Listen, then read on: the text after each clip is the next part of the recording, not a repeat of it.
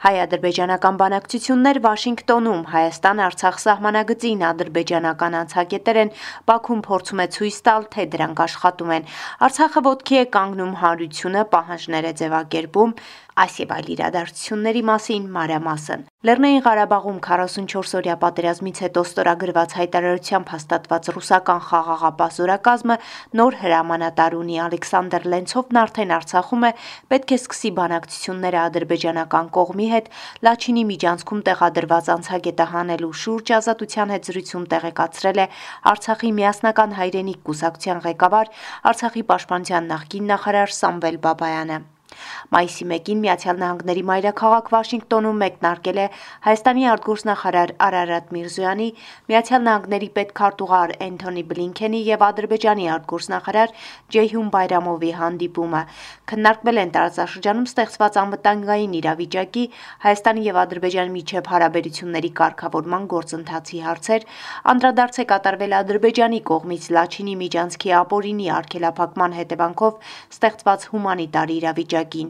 Ամերիկյան աղբյուրները նշում են, որ արտգործնախարարներ Արարատ Միրզոյանի եւ Ջեյհուն Բայրամովի Վաշինգտոնյան բանակցությունները մի քանի օր կտևեն։ Մինչ Երակողմ հանդիպումը Հայաստանի եւ Ադրբեջանի արտգործնախարարներն առանձին հանդիպումներ են ունեցել։ Պետքարտուղար Էնթոնի Բլինքենի հետ Միրզոյանն ու Բլինքենը քննարկել են տարածաշրջանում կայունությանն ու անվտանգությանն առնչվող հարցեր, Հայաստանի եւ Ադրբեջանի միջև հարաբերությունների կարգավորման գործընթացը, անդրադարձ է կատարվել Ադրբեջանի կողմից Լաչինի միջանցքի ապօրինի արգելափակման հետևանքով ստեղծված հումանիտար իրավիճակին։ Իդեպ պետքարտուղար Բլինքենը մինչ այդ հեռախոսազրույց է ունեցել ունեցել է Ադրբեջանի նախագահ Իլհամ Ալիևի հետ, ըստ ամերիկյան կողմի մտահոգություն է հայտնել Ադրբեջանի կողմից Լաչինի միջանցքում անցագետի տեղադրման առիթով, նշելով, որ այն խաթարում է խաղաղության գործընթացում վստահություն հաստատելու ջանքերը ընդգծելով Լաչինի միջանցքը հնարավորինս արագ վերաբացելու կարևորությունը։ Միացյալ Նահանգների արտաքին գերատեսչության ղեկավարը հերախոսազրույց է ունեցել նաև Հայաստանի վարչապետ Նիկոլ Փաշինյանի հետ։ Վարչապետ Փաշինյանն ընդգծել է, որ Լաչինի միջանցքում ադրբեջանական կողմի քայլերը միտված են Լեռնային Ղարաբաղում էթնիկ զտումներ իրականացնելու եւ Լեռնային Ղարաբաղը ամբողջությամբ հայաթափելու իր քաղաքականության հետևողական իրագործմանը նա շեշտել է. Ադրբեջանի կողմից տարածաշրջանային անվտանգությունը խարխլող գործողություններին միջազգային հանրության համարժեք արձագանքի կարևորությունը եւ գործում քայլերի ձեռնարկումը արդարադատության միջազգային դատարանի վճռի անվերապահ կատարման ուղղությամբ Հայաստանի եւ Ադրբեջանի ներկայացուցիչների մասնակցությամբ առաջիկայում երկու այլ հանդիպումներ եւս նախանշվում են։ Ռուսաստանի Դաշնությունն առանջամկետների ազդարարում է արտգործնախարարների Մոսկովյան հանդիպման պայմանավորվածությունը դա հաստատում է նաեւ պաշտոնական Երևանը։ Արևմուտքը խոսում է ավելի բարձր մակարդակով հանդիպման նախապատրաստման մասին, որը հնարավոր է տեղի ունենա հունիսի 1-ին Մոլդովայի մայրաքաղաք Քիշնևում։ Այս ուղղությամբ աշխատանքի մասին անցած շաբաթ Երևանում խոսել էր Ֆրանսիայի արտաքին գործերի նախարար Կատրիր Կոլոնան։ Քիշնևում հանդիպման ժամանակ մենք կարող ենք հույս ունենալ բարձր մակարդակի երկխոսություն ունենալ ինչպես հոկտեմբերի 6-ին Պրագայում ունեցանք։ Բանակցային հարթակների առումով Հայաստանի արտգործնախարար Արարատ Միրզոյանը հստակեցնում է. Մենք հարթակների միջև տարբերություն չենք դնում, խաղաղության գործընթացը մեկն է եւ բանակցություններն էլ ըստ էության ընթանում են միևնույն խաղաղության պայմանագրի նախագծի դրա հիմնադրույթների շուրջ։ Մենք շնորհակալ ենք բոլոր մայրաքաղաքներին, որոնք հարթակ են տրամադրում, փորձում են կամրջող դեր խաղալ այս գործընթացում։ Հայաստանի համար առնվազն հարցը այդպես չի դրված բանակցել Մոսկվայում, թե Վաշինգտոնում, թե Բրյուսելում։ Բանակցությունները ըստ էության նույնն են։ Արդեն մեկ շաբաթ Հայաստան-Արցախ սահմանագծին անցագետ տեղադրած ադրբեջանցիները պահանջում են Լաչինի միջանցքում անձնագրային ստուգում բեռների հսկողություն։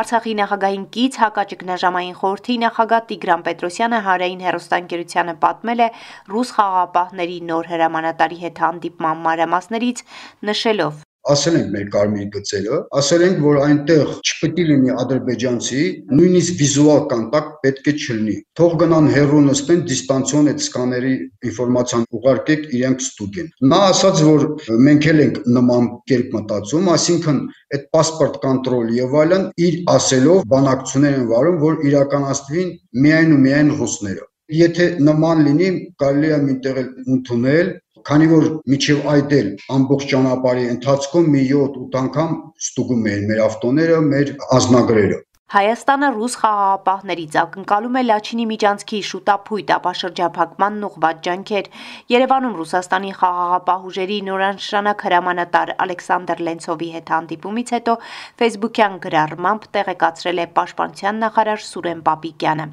Արցախ. Արդեն 1 շաբաթ Հայաստան-Արցախ սահմանագծին անցակետ տեղադրած ադրբեջանցիները պահանջում են Լաչինի միջանցքում անznագրային ստուգում բեռների հսկողություն։ Արցախի խորհրդանի իշխող Ազատ Հայրենիք քաղաքացիական միացյալ դաշինք խմբակցության ղեկավար Արթուր Հարությունյանը փոխանցում է Ստեփանակերտը մերժում է։ Փաստացի Շուշի, Հին Շեն, Մեծ Շեն, Լիսագոր եւ Եղցահող գյուղերը հայտնվել են ադրբեջանական երկու անցագետերի միջև նաև կրկնակի բոլոկադայի մեջ սննդի դեղորայքի անասնակերի խնդիրներ են առաջացել, հենց այս գյուղերի մի քանի բնակիչներ նաև համայնքապետեր են հայտնվել ադրբեջանական լրատվամիջոցների տարածած տեսանյութում, որտեղ երևում է նրանք ցույց են տալիս անձնագրերը, ադրբեջանցիները թույլատրում են անցնել։ Ադրբեջանը տեսանյութը տարածել է արտգործնախարարների Վաշինգտոնյան հանդիպումից ժամեր առաջ։ Ռուսական խաղաղապահ զորակազմի տեղակայման վայրում նորանշան ժամանակ հրամանատարի հետ հանդիպել են Արցախի ղեկավարները նախագահ Արայիկ Հարությունյանի գլխավորությամբ։ Ստեփանակերտի դիրքորոշումը Արցախի պետնախարար Գուրգեն Ներսիսյանի փոխանցմամբ իրավիճակի կարգավորումը պետք է հիմնված լինի 2020 թվականի նոյեմբերի 9-ի Երակողմ հայտարարության վրա, իսկ այդ հայտարարության 6-րդ կետն ամրագրում է հետևյալը. Արցախը Հայաստանի հետ պետք է կապվի 5 կիլոմետր լայնությամբ Լաչինի միջանցքով։ Լաչինի միջանցքը պետք է գտնվի ռուս խաղաղապահ զորակազմի վերահսկողության ներքո Ադրբեջանը պետք է երաշխավորի երկու ուղություններով քաղաքացիների, տրանսպորտային միջոցների եւ ապրանքների երթևեկության անվտանգությունը Լաչինի միջանցքով Ռուսական խաղաղապահ հրամանատարը ասել է, որ առաջիկա օրերին հանդիպումներ է ունենալու ադրբեջանական կողմի հետ եւ հարցին կկարողանա անդրադառնալ ու տեղեկություններ փոխանցել շաբաթվա վերջում։ Ստեփանակերտում իրականացվում է ոչ Արցախի էթնիկ զտմանը շարժման պահանջագրի ստորագրահավաքը, որով միջազգային հանրության տարբեր դերակատարների պահանջ է ներկայացվում ապահովել Արցախի ապաշրջափակումը, ինչպես նաև մի շարք քայլեր իրականացնել 2020 թվականի նոյեմբերի 9-ի Երակողմ հայտարարությանը ՄԱԿ-ի արդարադատության միջազգային դատարանի եւ Մարդու իրավունքների եվրոպական դատարանի որոշումների համապատասխան։ Շարժման պահանջագրին միացել է նաև նախագահ Արայիկ Հարությունյանը Արցախը նորից ոտքի է կանգնում, հանրությունը ձևակերպում է իր պահանջները։ Քաղաքացիները փորձում են Արցախի իշխանություններին ուղղված ինքնաբուխ պահանջներ ձևակերպել, մեծ հանրահավաք կազմակերպելու անհրաժեշտություն են տեսնում Արցախում, քայլերի մասին լսենք Փանաձեմ հասարակական կազմակերպության ղեկավար Նորիկ Հարությունյանին եւ Արցախի նախագահին կից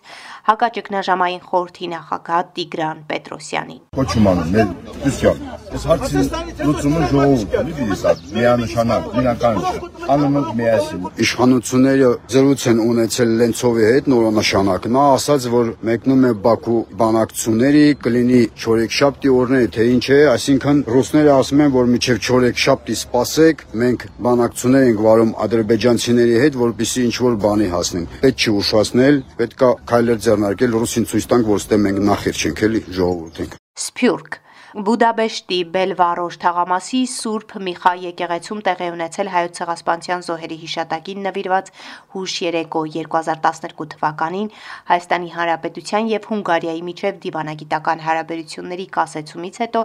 սա Հունգարիայում անցկացված առաջին նմանատիպ միջոցառումն էր։ Միջոցառմանը մասնակցել են Հունգարիայում հավատարմագրված դիվանագիտական կորպուսի, Հունգարիայի խորհրդարանի եւ ակադեմիական շրջանակների, ինչպես նաեւ տեղի հայ համայնքի ներկայացուցիչներ։